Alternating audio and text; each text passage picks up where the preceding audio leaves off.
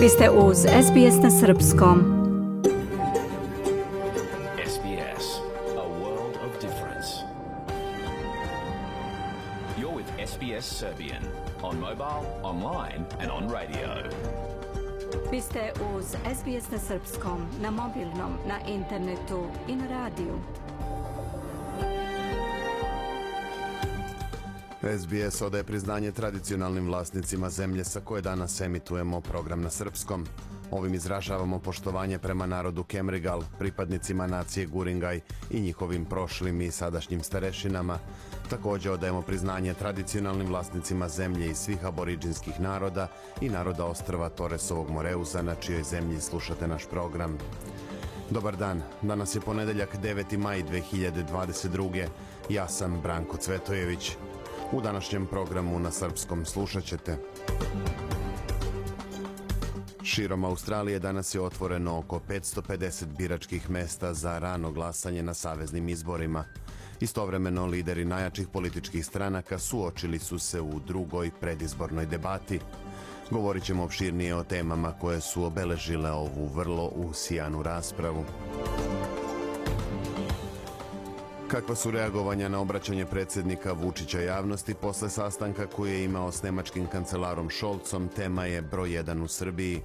Da li je jači pritisak da se uvedu sankcije Rusiji ili da se prizna nezavisnost Kosova, čućemo od Mije Nikolić.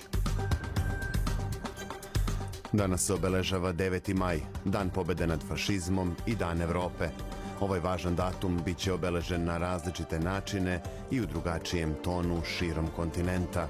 Ostanite sa nama narednih sat vremena. Sledi pregled vesti.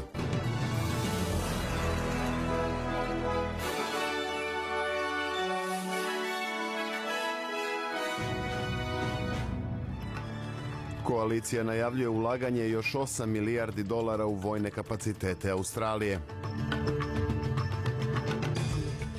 Rusija ponavlja zločine nacista iz drugog svetskog rata, poručio ukrajinski predsjednik Zelenski. Srbiju čekaju još jači pritisci da uvede sankcije Rusiji, kaže premijerka Ana Brnabić.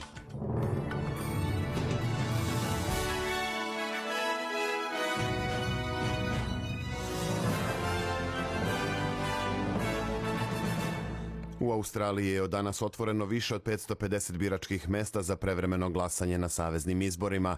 Svi građani s pravom glasa koji na dan izbora 21. maja neće biti u mogućnosti da izađu na birališta, mogu to da učine bilo kog dana počevši od danas, izuzev u nedelju.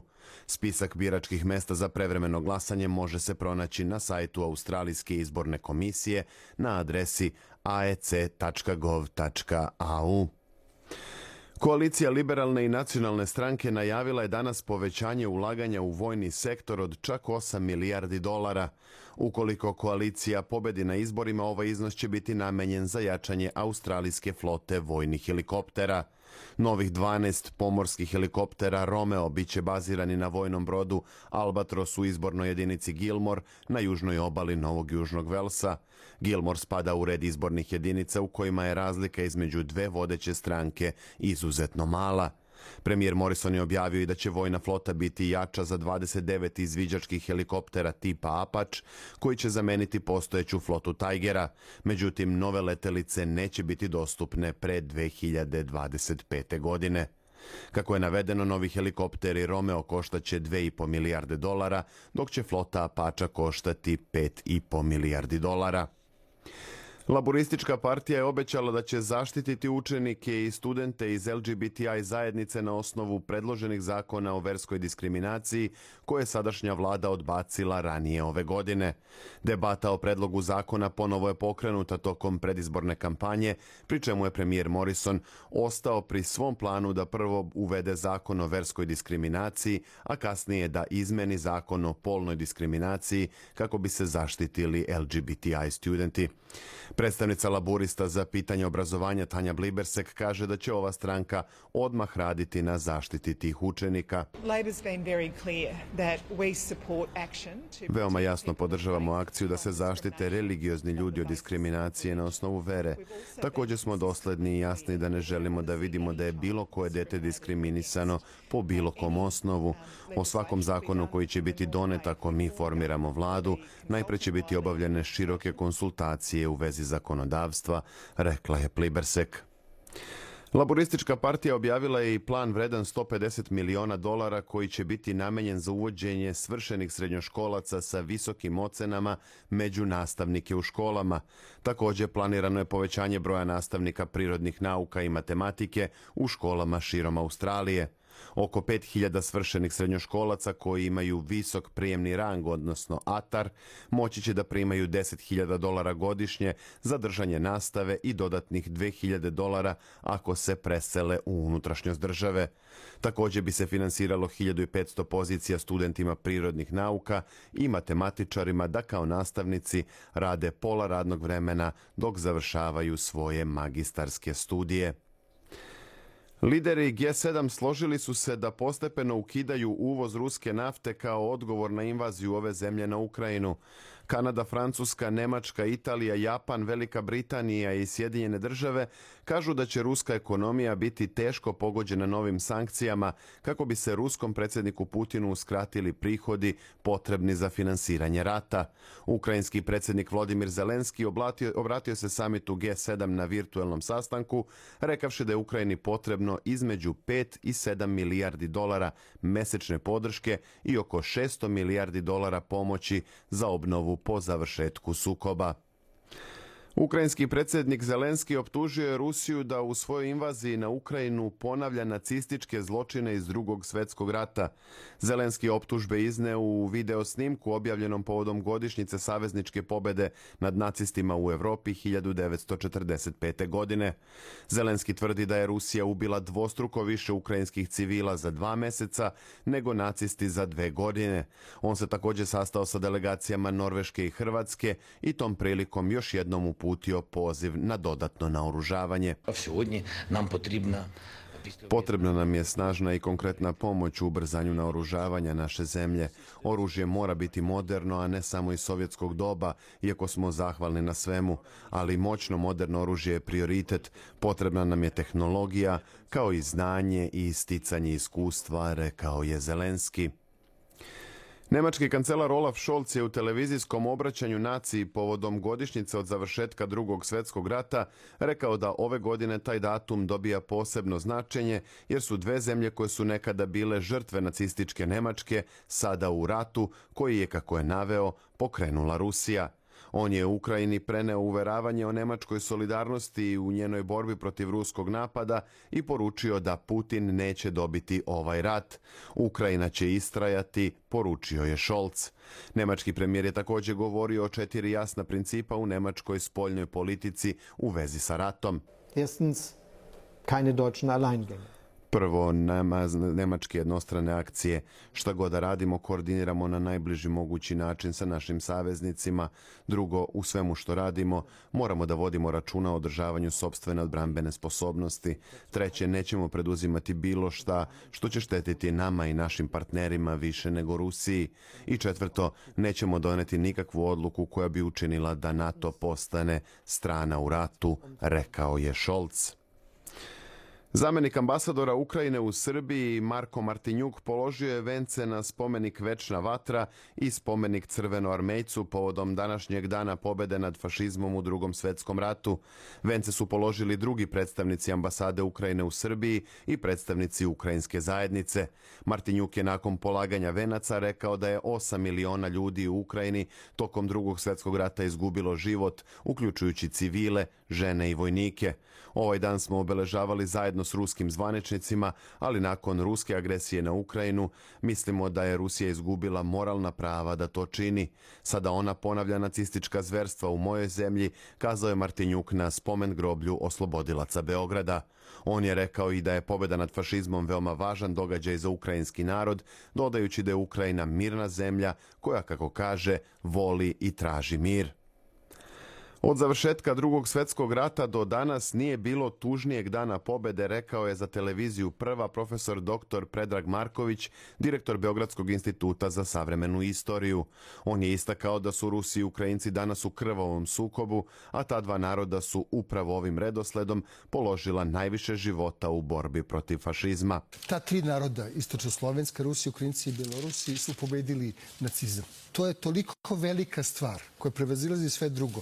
I sada e, e, kako će očuvati e, tu najsvetliju uspomenu svoje istorije. Naravno, to su velike istorije, ruska istorija je ogromna istorija, ali sa svetske stanovišta ništa važnije Rusi nisu radili nego što su spasili svet od nacizma. Srbija će izdvojiti 3 miliona evra za pomoć deci i raseljenima unutar i izvan Ukrajine, izjavila je premijerka Ana Brnabić na međunarodnoj donatorskoj konferenciji za Ukrajinu koja se održava u Varšavi. Brnabić je putem video linka rekla da će pomoć biti upućena kroz sistem Ujedinjenih nacija, od čega milion i po preko UNICEF fonda za decu, a drugih milion i po preko Visokog komesarijata UN-a za izbeglice, objavila najavila je vlada Srbije. Brnabić je navela da je Srbija 24. marta glasala za usvajanje rezolucije o humanitarnim posledicama agresije na Ukrajinu u Generalnoj skupštini UN-a. Premijerka Srbije dodala je to da je vlada 27. februara usvojila odluku o pružanju humanitarne pomoći ugroženom stanovništvu Ukrajine i aktivirala privremeni zaštitni mehanizam za raseljena lica koja dolaze iz te zemlje. Ovo je prvi put da je takva vrsta legalnog mehanizma upotrebljena u Srbiji. Međunarodnu donatorsku konferenciju organizovali su premijeri Poljske i Švedske Mateuš Moravjecki i Magdalena Anderson u saradnji sa predsjednicima Evropskog saveta i Evropske komisije Charlesom Michelom i Ursulom von der Leyen. Donatori vlade i privatne kompanije okupljeni u Varšavi obećali su 6,5 milijardi dolara za hitnu pomoć Ukrajini. U Beogradu će danas biti održano i više manifestacija povodom Dana pobede nad fašizmom u drugom svetskom ratu. Predstavnici Ministarstva odbrane i Vojske Srbije, grada Beograda i Subnora položit će vence na groblju oslobodilaca i kod spomenika sovjetskim veteranima na Avali. U okviru proslave Dana pobede, ambasada Rusije će organizovati tradicionalnu povorku Besmrtni puk kroz centar Beograda. I evropske zemlje danas obeležavaju Dan pobede i Dan Evrope u znak sećanja na završetak drugog svetskog rata u Evropi 45. i početak stvaranja Evropske unije pet godina kasnije. Ove godine se obeležava 77. godišnjica završeta drugog svetskog rata i 72 godine od pokretanja inicijative za stvaranje EU. U zemljama Unije poseban značaj ima Dan Evrope, kao dan koji je označio prekretnicu u odnosima evropskih zemalja i otvorio put ka stvaranju zajednice država, dok je u Rusiji težište na proslavi Dana pobede u drugom svetskom ratu. Dan pobede slavi se u znak sećanja na 9. maj 45. kada nacistička Nemačka potpisala kapitulaciju u drugom svetskom ratu. S druge strane, Dan Evrope je ustanovljen u znak sećanja na deklaraciju francuskog ministra spoljnih poslova Roberta Schumana iz 1950. koja se smatra prvim zvaničnim korakom ka nastanku EU. Više simbola Beograda u nedelju uveče je osvetljeno bojama Evropske unije povodom Dana Evrope. Kako je preneo Beo Info, osvetljeni su Palata Albanija, Fontana na Slaviji, Brankov most i Most na Adi. Na Dan Evrope delegacija Evropske unije u Srbiji organizovaće niz aktivnosti, a centralnu proslavu pod nazivom Festival Evrope organizuje u Novom Sadu, koji je izabran za Evropsku prestonicu kulture u 2022. Festival će otvoriti šef delegacije EU u Srbiji Emanuel Joffre, ministarka za evropske integracije Srbije Jadranka Joksimović, ambasador Francuske u Beogradu Pierre Košar i gradonačelnik Novog Sada Miloš Vučević. Srbija se trudi da potpuno samostalno donosi odluke koje se tiču njene sudbine, izjavio je ministar spoljnih poslova Nikola Selaković. Ne uvodimo sankcije Ruskoj federaciji, ali ono što je naš prioritetan cilj jeste brži evropski put, kazao je Selaković za RTS. Brži evropski put da bismo promenili svoje društvo da bismo ojačali vladavinu prava, da bismo privlačili i dalje što više investicija, da bismo bili i dalje prvak po ekonomskom rastu, da bismo bili neko ko ozbiljno drži finansijsku disciplinu u svojim javnim finansijama u trenutku kada to u Evropi ne možete gotovo ni kod jedne druge države da nađete. Dakle, to Srbija uspeva. Zašto? Zato što se Srbijom ozbiljno rukovodi. Premijerka Srbije Ana Brnabić izjavila je da će u narednom periodu biti još jačih pritisaka na Srbiju da uvede sankcije Rusiji. Ogromno interesovanje i nametanje nekoliko tema od kojih je jedna zašto je Srbija jedina država koja ne uvodi sankcije Rusiji, kazala je Brnabić na televiziji Pink. Ona je dodala da će u narednom periodu Srbiji biti sve teže, ali da predsjednik Vučić igra diplomatsku igru na neverovatan način, te kako je rekla, na sastancima koristi posnavanje istorije i prava, pa je teško da mu se suprotstavi argument. Brnabić je navela da izjava ruskog predsjednika Vladimira Putina u vezi sa Kosovom dodatno otežava situaciju u Srbiji. Brnabić je rekla i da Srbija mora da se bori za međunarodno pravo, jer ono čuva i njene interese. U Beogradu je juče u 63. godini preminuo Veselin Simonović, direktor i glavni i odgovorni urednik portala nova.rs. Simonović je bio jedan od najistaknutijih novinara i urednika u Srbiji u poslednje tri decenije. Bio je urednik u Borbi, zatim u Nedeljniku Vreme, a dugo godina je bio glavni i odgovorni urednik dnevnog lista Blic. Od 2020. bio je osnivač, direktor i glavni i odgovorni urednik portala nova.rs i direktor dnevnog lista Nova. Na međunarodnom tržištu valuta jedan australijski dolar danas vredi 70 američkih centi, 67 euro centi, 57 britanskih penija i 78 srpskih dinara i 50 para. Kišovito vreme zahvatit će u narednim danima veći deo istočne obale Australije. Sutra u Brisbaneu intenzivnija kiša i najviše 23 stepena, u Sidneju pljuskovi i najviše 22 U Melbourneu sunčano i 19, a u Kamberi oblačan dan i najviše 17. U Pertu utorak sunčano i 25, a vedar dan očekuje se i u Adelaidu uz maksimalnih 20 stepeni. Na Tasmani takođe sunčano i 18, a uglavnom vedro biće i u Darwinu uz maksimalnih 33. U Srbiji danas sunčano, temperatura od 13 do 27 stepeni. Slušali ste pregled vesti SBS radija na srpskom jeziku. Za više informacija posetite sbs.com.au kosacrta news.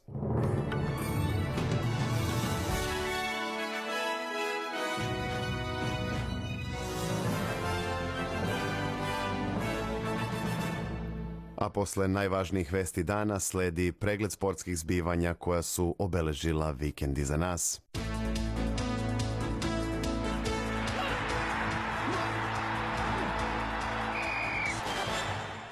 Mladi španski teniser Carlos Alcaraz osvojio je Masters turnir u Madridu pošto je u finalu ubedljivo savladao Aleksandra Zvereva sa 6-3, 6-1.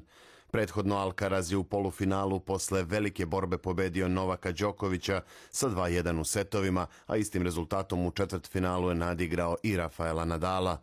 Alcarazu koji je pre samo četiri dana napunio 19 godina, ovo je bio četvrti trofej u sezoni, pošto je prethodno osvojio turnire u Rio de Janeiro, Majamiju i Barceloni. Mladi Španac je od danas šesti teniser na ATP listi, što je njegov do sada najbolji plasman u karijeri. Alcaraz je posle pobede u finalu Madrida odlučio da se povuče sa Masters turnira u Rimu koji je počeo sinoć. U glavnom gradu Italije prvi nosilac je Novak Đoković, koji je ovog ponedeljka vodeći teniser na svetskoj rang listi. Đoković će u drugom kolu Rima igrati protiv ruskog tenisera Aslana Karaceva, koji je na startu savladao Lloyda Harrisa iz Južne Afrike sa 2 prema 1. U drugo kolo Rima se plasirao i srpski teniser Filip Krajinović pobedom protiv Amerikanca Francisa Tiafoa od 2 prema 0. Krajinović će u narednoj rundi igrati protiv Rusa Andreja Rubljova. U glavni žreb rimskog mastersa plasirali su se i srpski teniseri Dušan Lajović i Laslo Đere. Lajoviću je pri rezultatu 4-0 u prvom setu predao Mađar Marton Fučović, dok je Đere savladao Bolivica Uga Delijena sa 2 prema 0. Đere večeras igra protiv Hrvata Borne Ćorića, dok će se Lajović sastati sa najbolje rangiranim Australijancem Aleksom Deminorom. Na turniru učestvuje i Miomir Kecmanović, koga na startu čeka duel s Argentincem Diegom Švarcmanom. Vozač Red Bulla Max Verstappen pobednik je trke Formule 1 za veliku nagradu Majamija. Aktuelni šampion je startovao sa trećeg mesta, ali je već na početku pretekao Carlosa Sainca, a zatim u devetom krugu i drugog vozača Ferrarija Charlesa Leclerca. Bivši prvak sveta Lewis Hamilton bio je šesti, a australijski vozač Daniel Ricardo zauzeo je 11. mesto. Leclerc je i dalje vodeći u generalnom plasmanu sa 104 boda, 19 više od Verstappena, dok je Sergio Perez treći sa 66 bodova. U plasmanu konstruktora prvi je Ferrari sa 157 bodova, ispred Red Bulla sa 151 i Mercedesa sa 95. Naredna trka Formula 1 vozi se 22. maja u Španiji na stazi Katalunja. Futbaleri Melbourne Victoria preuzeli su prvo mesto na tabeli A lige pošto su u derbiju poslednjeg kola kao gosti ubedljivo savladali Sidney sa 4 prema 1. Meč je rešen već posle 38 minuta kada je Victory stekao prednost od 3-1. Ekipa Victoria je u poziciji da osvoji titulu premijera A lige, ali i dalje sve zavisi od gradskog rivala Melbourne Citya koji večeras igra na domaćem terenu protiv Wellington Phoenixa. Ukoliko branilac titule zabeleži pobedu u tom meču, osvojit će i trofej kao i prvu startnu poziciju pred play-off. Od sinoć su poznati i svi ostali učesnici play-offa, odnosno mesta sa kojih startuju u doigravanju. Western United je posle poraza u Adelaidu od 2-1 ostao na trećem mestu dok je Adelaide United obezbedio četvrtu poziciju, a samim tim i domaći teren u prvoj rundi play-offa.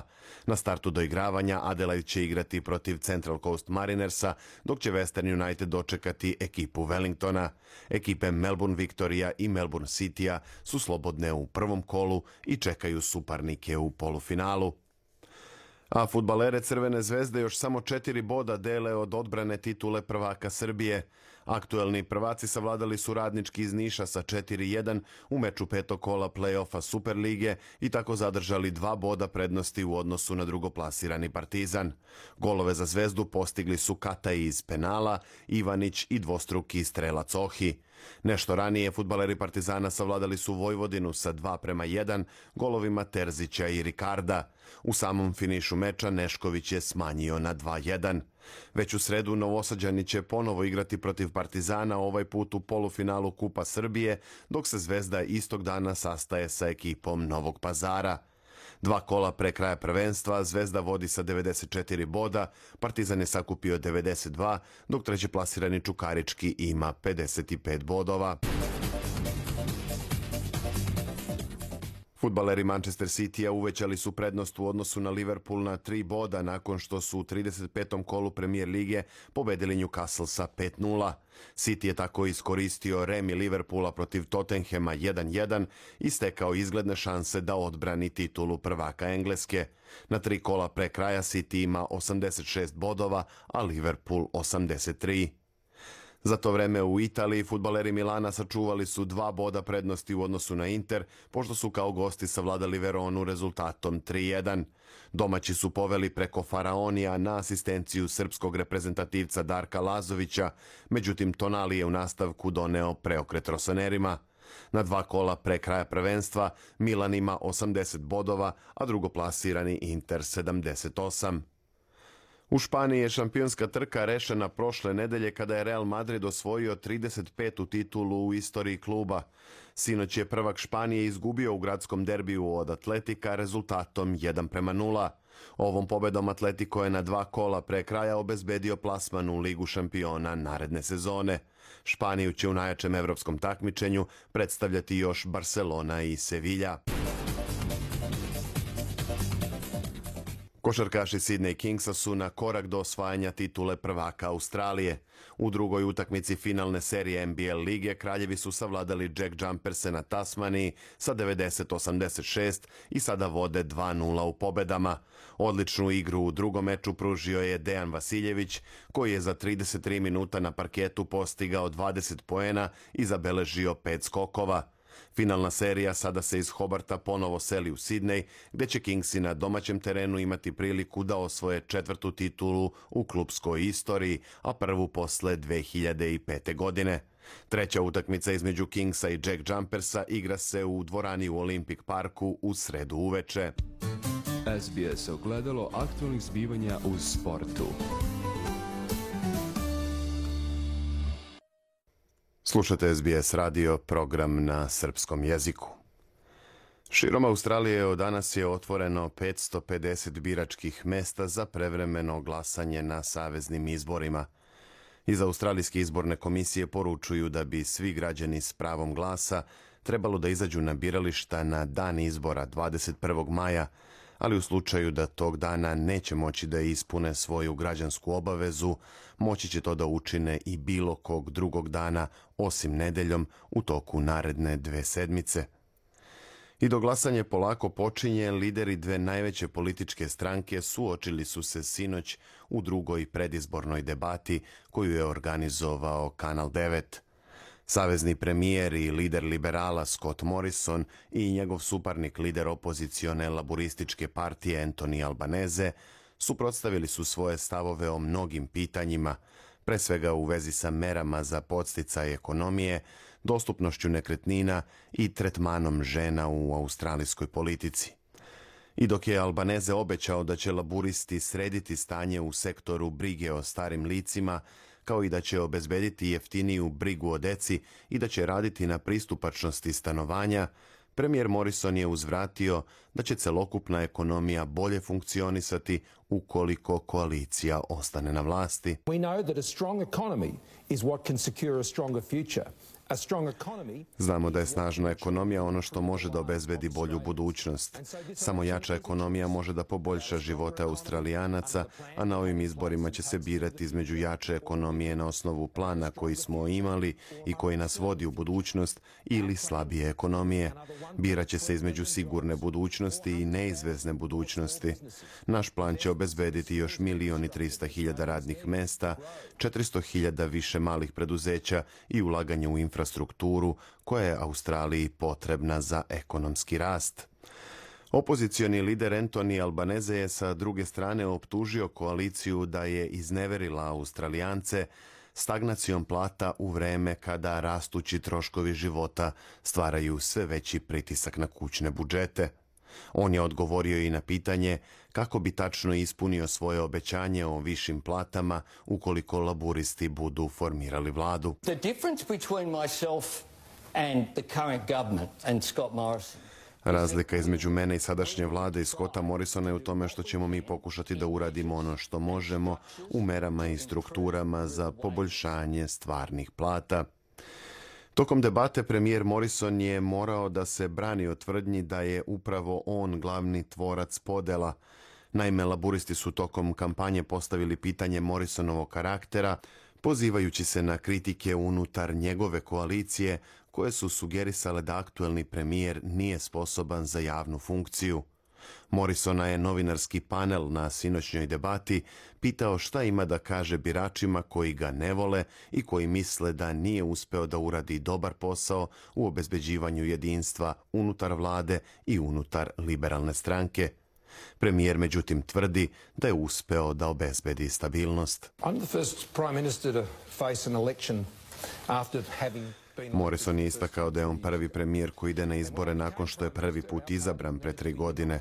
Kada sam postao premijer, naša stranka je morala da se ujedini i to sam uradio. Nije bilo podela pod mojim vođstvom, tvrdi Morrison. Među veoma važnim temama debate bili su i odnosi Australije s Kinom pre svega u svetlu nedavno potpisanog bezbednostnog sporazuma između Kine i Solomonovih ostrava. Morrison je vrlo jasno odgovorio da bi eventualno podizanje kineske vojne baze na ovim pacifičkim ostrvima bilo protiv nacionalnih interesa Australije. Na pitanje da precizira šta bi za njegovu vladu bila crvena linija po pitanju kineske baze na Solomonovim ostrvima, Savezni premijer je rekao sledeće. Well, it means that that was something that uh, Australia believes would be completely against our national interest. And we also... Crvena linija bi bila nešto za što smatramo da bi bilo potpuno protiv našeg nacionalnog interesa, a takođe verujemo i protiv nacionalnog interesa Solomonovih ostrva. Mi delimo stav i sličan jezik sa Sjedinjenim državama, s kojima se Australija zajedno borila u Koralnom moru još pre 80 godina i sada ponovo radimo zajedno sa našim partnerima, sa Novim Zelandom, i sa mnogim drugim pacifičkim državama kako bismo mogli da obezbedimo mir i stabilnost u regionu Pacifika. Morrison međutim nije rekao da li će i na koji način koalicija pokušati da spreči podizanje kineske vojne baze na Solomonovim ostrvima. Kako je istakao, ne bi bilo mudro spekulisati u vezi sa tim pitanjem. Upravo tema nacionalne bezbednosti dovela je do usijanja između dvojice lidera tokom debate, a Morrison je optužio Albaneze ovog zamenika Richarda Marlsa da ima prokineske stavove i da svoje govore prvo šalje na proveru u Peking. Albaneze je ovakve tvrdnje nazvao nečuvenom uvredom. U anketi gledalaca koja je obavljena posle debate, glasovi su podeljeni na ravne časti, što znači da ni jedan od dvojice lidera nije dominirao u odnosu na suparnika, barem prema mišljenju 170.000 ljudi koji su učestvovali u glasanju. Kada je pak reč o najnovijim istraživanjima javnog mnjenja, laburisti su zabeležili bolje rezultate u odnosu na prethodnu nedelju. Prema anketi Ipsosa koja je urađena za Australian Financial Review, laburisti su u prednosti od 52% prema 40% na osnovu preferenciji između ove dve političke opcije – S druge strane, najnovija Newspol anketa pokazuje da laburisti imaju 54 od 100 spram 46 procenata za koaliciju. Prema ovim podacima, opozicija je popravila rating za 1 procenat, dok je poverenje u vladajuću koaliciju neznatno opalo. Kada je reč o primarnim glasovima, Prema Newspolu laburisti su skočili na 39 odsto, koalicija je pala na 35, dok su ostale stranke uglavnom na istom nivou. Zeleni imaju podršku 11% ispitanika, jedna nacija je na 5%, Ujedinjena Australija je na 4%, dok je manjim partijama i nezavisnim kandidatima poverenje dalo ukupno 6% učesnika ankete. Kada je reč o tome koga bi pre videli na mestu premijera, anketirani građani su se izjasnili sa 44% glasova u korist Scotta Morrisona, a 42% za Antonija Albanezea. Ovo je osetna promena u odnosu na prošlo istraživanje, kada je Morrison imao prednost u odnosu na svog suparnika od 45 prema 39. Vi slušate SBS radio, program na srpskom jeziku. Ja sam Branko Cvetojević. Ostanite uz naš program. Slušajte SBS na srpskom, na mobilnom, na internetu i na radiju. Slušate SBS na srpskom. Već nekoliko dana tema broj 1 u Srbiji je obraćanje predsjednika države Aleksandra Vučića javnosti posle susreta sa nemačkim kancelarom Olafom Šolcom u Berlinu. Vučić je najavio da Srbiji predstoje teška vremena, a govorio je i o porukama iz Berlina kao i o nameri da o njima razgovara sa svim srpskim partijama – Kakva su reagovanja političara i analitičara na potpuno novi narativ o značaju Evropske unije, a posebno značaju Nemačke za Srbiju, kao i da li se sada veći akcenat stavlja na pritiske da se uvedu sankcije Rusiji ili da se prizna nezavisnost Kosova, reći će nam Mija Nikolić.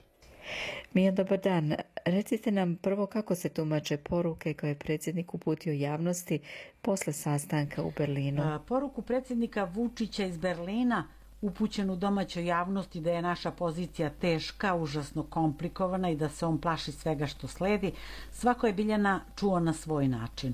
To je izjav je dat toliki značaj da je stručnjak za neverbalnu komunikaciju za dnevni list Republika protumačio da predsednikov izraz lica govori pod kakvim smo pritiscima i dodao da nas čeka pakao. Deo analitičara ističe Vučićevu poruku da će Srbija dati sve od sebe kako bi bila stabilizirajući faktor na Zapadnom Balkanu, ali i njegovo obrazloženje zašto je našoj zemlji važna Nemačka mi bez Nemaca danas ne možemo da idemo napred i gotovo da ne možemo da preživimo. Dakle, ja sam otvoren prema građanima Srbije. Ako nam neko zapošljava 76.000 ljudi u njihovim kompanijama, preko 52% ukupnog izvoza iz Zapadnog Balkana je iz Srbije za Nemačku. 61% stranih direktnih investicija je u Srbiju, a 39% u sve ostale zemlje Zapadnog Balkana. Onda to jasno govori kolika je i naša zavisnost od Nemačke i koliko je nama Nemačka važna, citiraju oni reči predsednika Vučića i njegovu izjavu da u Srbiji Nemačku više vole od Evropske unije. A Mija, šta analitičari vide kao najveću novinu sa najvišeg zvaničnog nivoa posle ovih sastanaka? Dok su mnogi odmah po povratku Vučića iz Berlina očekivali kopernikanski obrt i naše sankcije Rusiji, Dušan Janjić iz Foruma za etničke odnose pak kao glavnu novinu vidi stav nemačkog kancelara da će pitanje međusobnog priznanja Srbije i Kosova biti tema dijaloga Beograda i Prištine. I dodaje da sankcije Rusije u Berlinu nisu bile glavna tema kako se u našoj javnosti smatra. Od Srbije se očekuje šta će dalje da radi sa ruskim firmama, a to je teža situacija od sankcija Rusiji. Pitanje je kako će Srbija da se oslobodi monopola ruskih firmi u energetskom sektoru kada za to nema snage i nema sredstava. Zato su sastanci kao ovaj u Berlinu korisni, kako bi se uključili jači igrači. Srbija nema te novce da otkupi ruske firme i isplati dugovanja, nacionalizacija tih firmi ne dolazi u obzir. To su ozbiljne stvari sa kojima se Srbija suočava kad se tome doda da je Rusija produžila samo rok za doturanje sirove nafte, ali ne i ostalih energenata, onda je kriza poprilična, navodi Janjić. Smatra lepim što je Vučić bio na otvaranju radova u Grčkoj za budući terminal, ali ga čudi zašto se Srbija ne konektuje na onaj u Rijeci, znatno bliži, za koji je potrebna samo konekcija od 60 kilometara mreže, a zašto je očekivao da Vučić u Berlinu zatraži pomoć. Ističe međutim da je vrlo skeptičan prema pitanju priznanja Srbije i Kosova jer je to američka formulacija koja do sada u okviru Evropske unije, posebno Nemačke, nije bila tema dogovora. Smatra da se pitanje statusa, to znači priznanja, ne može preskakati, zaobilaziti, da o tome treba razgovarati, ali ne u okviru međusobnog priznanja. Ne vidi ni jedan razlog zašto bi socijaldemokratska vlada i zeleni odustali od prethodnog stava, to je da je model dve Nemačke najracionalniji u ovakvoj situaciji. Kao glavnu temu vidi podsticanje Kosova i Srbije da sarađuju u okviru nekakvog otvorenog Balkana ili berlinskog procesa i to upravo zbog rata u Ukrajini da se kriza ne bi prenela na Balkan i da bi se sprečili konflikti. Prema njegovim rečima, kada nema dijaloga i kada nema saradnje, onda su na dnevnom redu sukobi.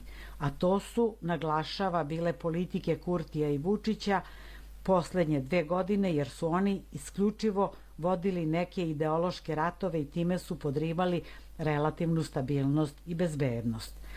Posle ovoga ne treba očekivati neki napredak, ali nakon sastanka u Berlinu, Brisel i Lajčak nešto moraju da promene u radu jer ovo do sad je nerad. Ovo je ohrabrenje Lajčaku da proba nešto da uradi nakon skoro dve godine mandata bez ikakvih rezultata, kaže Janjić. Šta ova prvi put od Nemačke pomenuta tema priznanja Kosova znači za Beograd. Profesor Stefan Surlić sa Fakulteta političkih nauka misli da je to vrlo otežavajuća pozicija pre svega za predsjednika Vučića. Domaća javnost nije pripremljena ne samo za priznanje, nego uopšte za proces dijaloga i za normalizaciju odnosa Beograda i Prištine. Bilo kakav pomak u dijalogu dve strane će se sada kritikovati pre svega od nacionalističkih krugova kada se zna da je finalni cilj priznanje nezavisnosti Kosova, navodi Surlić. Mija, da li su stranke desnice i uopšte opozicione stranke već reagovale i kako? Stranka Zavetnici odmah posle njegovog obraćanja naciji poručila da predsednik Vučić krivicu za lošu politiku njegovu i njegove stranke prebacuje na Rusiju, to jest na Putina koji je, kako je Vučić ukazao, pitanje Kosova doveo u vezu sa statusom Donjecka i Luganska u Ukrajini, čime je položaj Srbije promenjen u lošiji navode da se površnim tumačenjem Putinovih reči predstavlja da Rusija sada radi protiv interesa Srbije i da se u izjavama ruskog predsednika traži opravdanje za nove ustupke Kosovu i Metohiji, kao i za finalni udarac uvođenje sankcija Rusiji. Deo opozicionih stranaka – DS, Ne davimo Beograd i PSG oglasio se i povodom Vučićeve najave da bi početkom juna trebalo da se konsultuje sa svim političkim partijama o trenutnoj poziciji Srbije u svetlu ukrajinske krize. Oni su odbacili mogućnost da učestvuju u eventualnom Vučićevom zaokretu u spoljnoj politici i naveli da je to tema za Narodnu skupštinu, a ne za razgovore u kabinetu predsednika na Andrićevom vencu. Deset godina Aleksandar Vučić urušava institucije zemlje i uspostavlja autokratski režim u kome je on odlučivao o svemu u državi, a danas kada takvo ponašanje dolazi na naplatu, on bi da deli odgovornost i traži pomoć od onih koji su na to ukazivali, a on im se podsmevao, omalovažavao ih i vređao, poručili su iz Narodne stranke. U pokretu slobodnih građana kažu da poziciju Srbije ne komplikuje samo kriza u Ukrajini, već i decenijska spoljno-politička akrobatika i sedenje na više stolica koje su počele da se izmiču, a ne davimo Beograd saopštava da neka ih Vučić ne zove, već nek snosi odgovornost svoje loše politike, a ako nema rešenje, neka podnese ostavku. Na kraju, kako ove razgovore i uopšte atmosferu tokom sastanaka u Berlinu ocenjuju oni koji su je neposredno pratili. Novinar i analitičar iz Berlina Nenad Radičević ocenjuje da je Vučić dobro prošao u razgovoru sa nemačkim kancelarom Šolcom koji se pred novinarima izuzetno trudio da ni na koji način ne pokaže da pritiska našeg predsednika ili da postoji neko nezadovoljstvo Nemačke Srbijom. Naprotiv, kaže da je uprkos izrazu Vučićevog lica koji je pokazivao teške razgovore iza zatvorenih vrata, kancelar Scholz nedeljama pre susreta za tamošnje medije isticao da Nemačka ne sme da zaboravi na obećanja data Zapadnom Balkanu i njegovom pridruživanju Evropskoj uniji. Govoreći o tome da se Šolc u razgovoru sa Vučićem nije previše bavio Ukrajinom i odnosom Srbije prema Rusiji, Radičević ocenjuje da Nemačka nastoji da zadrži Srbiju u vidokrugu Evropske unije i ne želi da je gurne u ruke Rusiji, zbog čega se, kako kaže, izbegava oštri stav prema našoj zemlji. Njima je Zapadni Balkan pre svega bezbednostno veoma važan i zbog toga ne žele prevelikim pritiskom da odguraju Srbiju, a samim tim dovedu u nestabilnost ne samo Kosovo, nego i Bosnu i Hercegovinu, koja je inače ovde sagledavana možda kao najveći problem i najveće žarište, poručio je Nenad Radičević iz Berlina. Studio. Toliko za danas. Hvala Mija. Bila je to naša saradnica iz Srbije Mija Nikolić. Ja sam Biljana Ristić. Slušate program na srpskom.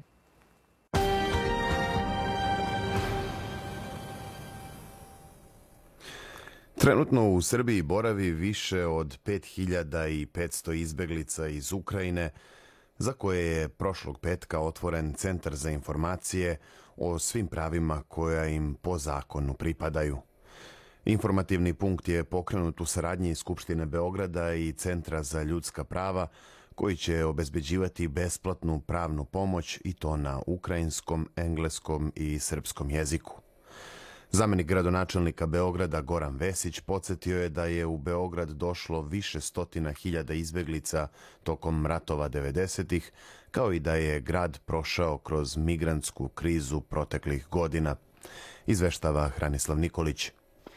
U Domu omladine u Beogradu u petak je počeo sa radom šalter Open Beograd, namenjen informisanju izbeglica iz Ukrajine koji dolaze u srpsku prestonicu, a predstavljen je i web sajt kao i aplikacija za smart telefone, takođe namenjena ljudima koji su izbegli iz ratom pogođenih područja u Ukrajini. Informativni punkt osnovan je u saradnji sa Beogradskim centrom za ljudska prava koji će obezbeđivati besplatnu pravnu pomoć na ukrajinskom, srpskom i engleskom jeziku.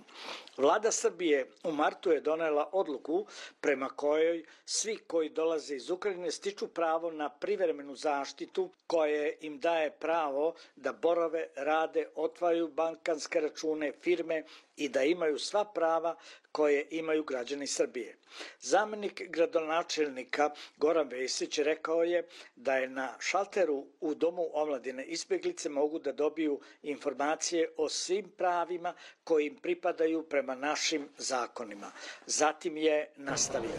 E sada, naravno, kao i uvek kada dođete sa strane, neki put postoje probleme u ostvarivanju tih prava. Ideja ovog, ovog mesta je da pomognemo tim ljudima da ostvare svoje prava koje smo mi dali na, po zakonu. A, zato smo, između ostalog, u dogovoru sa Beogradskim centrom za ljudska prava a, dogovorili da, da dajemo besplatnu pravnu pomoć na tri jezika, na engleskom, na ukrajinskom i na ruskom, tako da svako od njih može svako pitanje da postavi na bilo kom od tih jezika i naravno dobije odgovor na bilo kom od tih jezika i da ukoliko neko ima potrebu da, da, da, da dobije besplatnu pravnu pomoć, tu smo naravno sa Beogradskim centrom za ljudska prava da im pomognemo. Ovo je bilo veoma važno jer ovo pokazuje da je, da je grad Beograd otvoren grad, grad Beograd koji ima empatiju prema ljudima koji su nevelji. Mi smo, nažalost, gradu koji je došlo više stotina hiljada izbeglica tokom rata u bivšoj Jugoslaviji. Imali smo migransku krizu, imamo, nažalost, iskustva sa izbeglicama, ali želeli smo da pokažemo jasno da oni ljudi koji beže od rata, koji nisu krivi što su došli ovde, koji su morali da, da, da napuste svoju kuću i svoju imovinu i, i sve što su imali tamo gde su živeli, da su ovde dobrodošli, da će mi njima ostvariti, dati da, da, da ostvaruju sva prava koje smo dali u skladu sa zakonom. To je naša odluka i srećan sam što je danas Beograd ponovo pokazao da je takav grad. I to je nešto što je politika Srbije, na kraju krajeva i politika sa kojoj smo izašli. Vi znate veoma dobro a, da, je, da, da smo mi od početka sledimo evropsku politiku, odnosno deo smo evropsku politike kad je u pitanju rat u Ukrajini.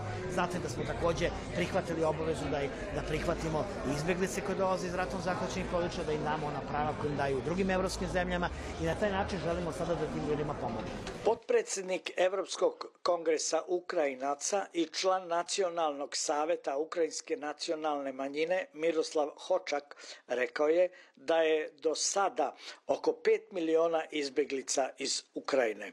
On je dao veliku podršku ovoj inicijativi i projektu koji se realizuje i napomenuo da je trenutno oko 5000 izbeglica iz Ukrajine u Srbiji, od kojih je 67 u prihvatnom centru u Vranju. Naglasio je izuzetno dobru saradnju domaće ukrajinske zajednice sa Komesarijatom za izbjeglice Srbije. Potom je dodao.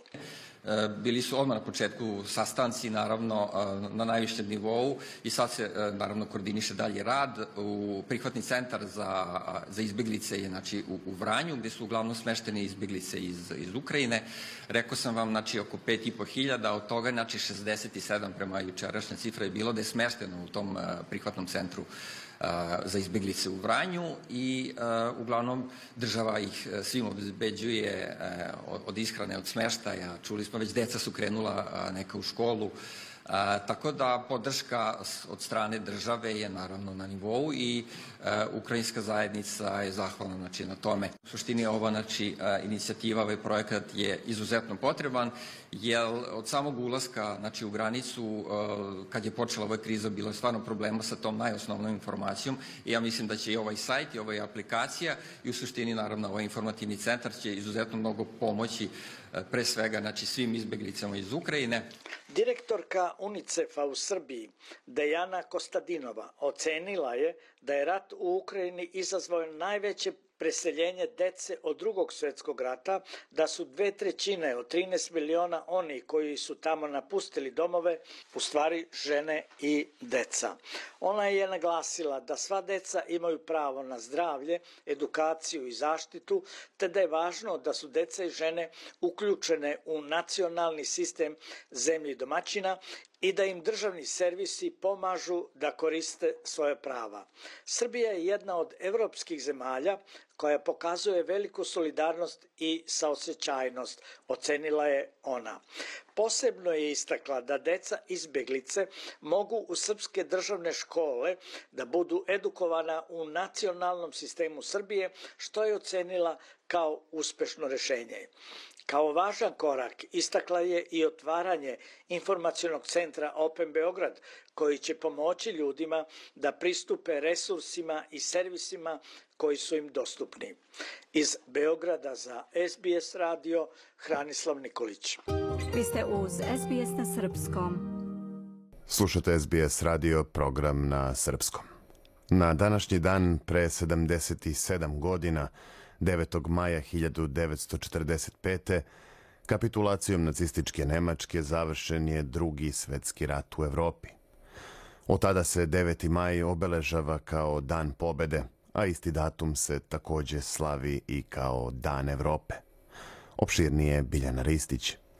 Evropske zemlje danas obeležavaju Dan pobede nad fašizmom i Dan Evrope u znak sećanja na završetak drugog svetskog rata u Evropi 1945. i početak stvaranja Evropske unije pet godina kasnije. Ove godine se obeležava 77. godišnjica završetka drugog svetskog rata i 72 godine od pokretanja inicijative za stvaranje Evropske unije. U zemljama Evropske unije poseban značaj ima Dan Evrope kao dan koji je označio prekretnicu u odnosima evropskih zemalja i otvorio put stvaranju zajednice država na tom kontinentu, dok je u Rusiji težište na proslavi Dana pobede u drugom svetskom ratu. At 2.41 a.m. at General Eisenhower's headquarters, General Jodl, the representative of the German High Command, and of Grand Admiral Dönitz, the designated head of the German state, signed the act of unconditional surrender of all German land, sea, and air forces in Europe to the Allied expeditionary forces and simultaneously to the Soviet High Command. Uh, hostilities will end officially at one minute after midnight tonight, Tuesday, the 8th of May. Ovako je britanski premijer Winston Churchill objavio bezuslovnu kapitulaciju Nemačke u Berlinu nešto iza ponoći 8. maja 1945. Time je formalno završen drugi svetski rat u Evropi, ali su ostaci nemačkih trupa i njihovih saveznika još nekoliko dana pružali otpor. U bivšoj Jugoslaviji to je potrajalo do 15. maja.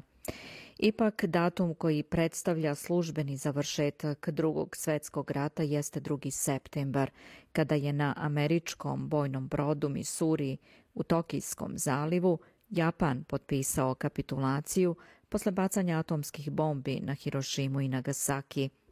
U ratu koji je trajao nešto manje od šest godina našla se 61 država i oko 110 miliona vojnika.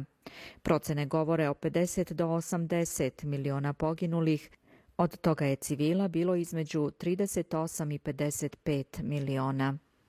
Državna komisija bivše Jugoslavije svojevremeno je objavila da je u ratu poginulo milion 706 hiljada osoba, među njima više od 300 hiljada boraca.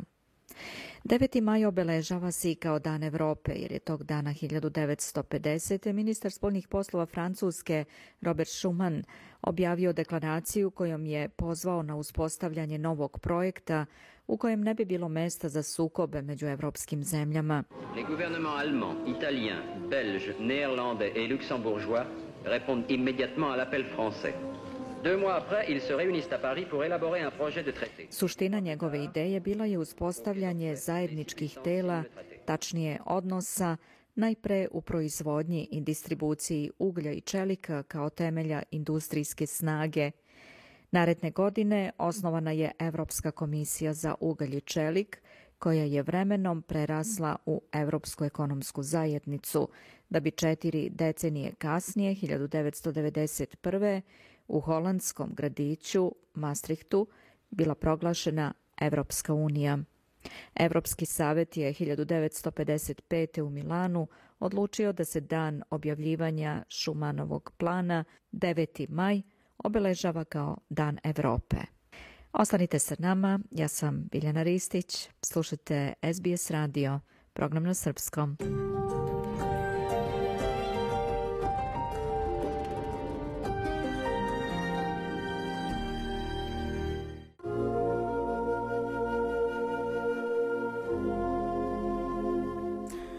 Bilo bi to sve od nas za ovaj ponedeljak 9. maj. Sljedeća emisija na srpskom jeziku je u utorak 10. maja od 15 časova. Podsjećam vas da naš program možete slušati i na internetu na adresi sbs.com.au kosacrta srbijen ili na vašim mobilnim uređajima putem SBS radio aplikacije koju možete preuzeti besplatno. Pratite našu stranicu na Facebooku i ostanite u toku sa najnovim sadržajima, podcastima i vestima iz Australije, Srbije i sveta. Ovog popodneva sa vama Branko Cvetojević. Želim vam prijatan dan i do slušanja.